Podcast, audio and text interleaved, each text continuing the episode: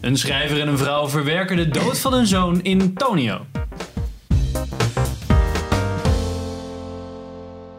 Welkom bij een nieuwe aflevering van Filmers. Ik ben Henk Ik ben Pim. En ik ben Sander. en we gaan het vandaag hebben over Nederlands trots. Tonio, Ja, Pim, waar gaat hij over? nou een... eh Echt je zei bij de intro, ja, een echtpaar eh, verwerkt eigenlijk eh, de dood van een 21 jaar oude zoon die is aangereden terwijl hij terugfietste van een feestje. Ja, Ja, daar houdt het eigenlijk wel bij op. Ja, dat is eigenlijk de setup en de rest is eigenlijk het, rouwver, eh, het rouwverwerk of hoe die... hoe ze ermee Ja, omgaan. hoe ze ermee het omgaan, rouwproces. En dat, Ja. dat, dat, that's it eigenlijk. En je ziet nog een klein beetje... Ja, dat hoe de schrijver het boek schrijft waarop dit verhaal weer is. Ja, Ja. Deze film weer. Ja. Het boek schrijft, wat is verfilmd, wat we hebben gezien. Ja, want het is, dus, het is dus ook gebaseerd op een boek. En het boek is weer gebaseerd op waarheid, volgens mij. Ja, het is gewoon, ja. Nou, Autobiografisch. yes. Ja. Sander, wat vond jij ervan? Nou, ik ben normaal gesproken echt absoluut geen fan van sowieso. Eigenlijk alles wat in Nederland geproduceerd wordt, schrijf ik eigenlijk al van tevoren af. Ja, ik ben ook zo bevoordeeld. Ja. Dus, eh, Ja. Nou, ik moet zeggen, dit was niet zo erg. Dit was gewoon echt, zeker technisch gezien was het echt ver Ja. boven het gemiddelde voor een Nederlandse film. Dat Het zat echt goed in elkaar. Dus het waren ook niet ambitieus of zo, weet je. Het was niet een, eh, het is een dramafilm, er zitten geen dikke VFX in of zo. Dus er kan op zich ook al, weet je, ze leggen de lat niet te hoog, laat ik het zo zeggen. Technisch gezien, want als ik dan iets zie als, wat hadden we de laatste keer dan, Nova Zembla of zo, heette die film.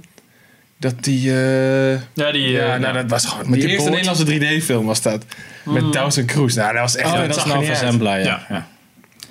Nee, precies. Ehm, ja, gewoon eh, goed geacteerd.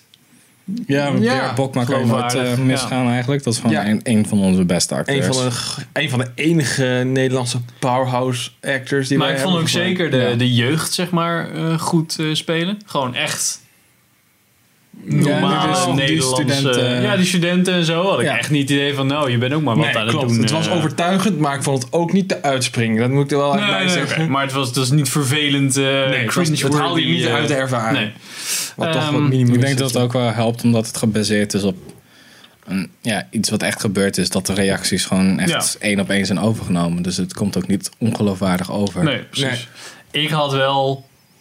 ehm, ik vond hem solid. Ik vond hem go- goed. Maar ik had wel na de helft dat ik, dat ik hem een beetje vond zweven. Ja, het bleef een beetje richting hangen, het, hetzelfde. Ja, precies. Ja. Het bleef een beetje hangen. Het ging niet een hele duidelijke richting op op het einde.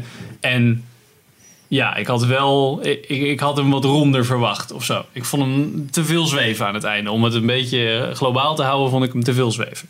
En dat vond ik wel jammer. Ja, ja, dat had ik ook. Het was gewoon, ja, oké, ze zitten wel de hele tijd een beetje dezelfde staat. En dan na een tijdje snap ik het wel. Ja, dan wil je net even. Het is natuurlijk, het is natuurlijk meer- wel heel zwaar. En hij, en hij schrijft natuurlijk vanuit de eerste persoon die eh, van de Heide, volgens mij, als ik zijn naam goed heb. Die eh, A3. Dus die schrijver, die, hij heeft het natuurlijk allemaal wel meegemaakt. Maar als kijker heb je natuurlijk een veel mindere verbindenis aan. Het Ja. weegt veel zwaarder, op, veel minder zwaar op je, eh, op je schouders Ja, dan precies. wat bij hem is gebeurd. En dan vind ik dat je daar wel rekening mee moet houden als je het verfilmt. In het boek Ja. kan je natuurlijk nog heel veel introspectie en zo doen. Ja. En in de film, ja, was er niet Nou. echt ruimte voor. Dus dan moet je wel iets meer... En ik had verwacht dat ik hem wat heftiger zou vinden of zo. Ik, had, Ja. ik dacht echt zo van, nou ja, oké, we gaan vanavond dan naar Tonio. En nou, dan Ik moeten we even... ingesteld op een zware film. Ja, En het precies. Was, En dat- het was het ook wel. Was het wel, maar minder zwaar dan ik me had... eh, Ja. Ja, Ja, maar dat komt ook omdat er niet echt een. Ja, het, het was niet echt. het- er was niet echt een verhaal, weet je?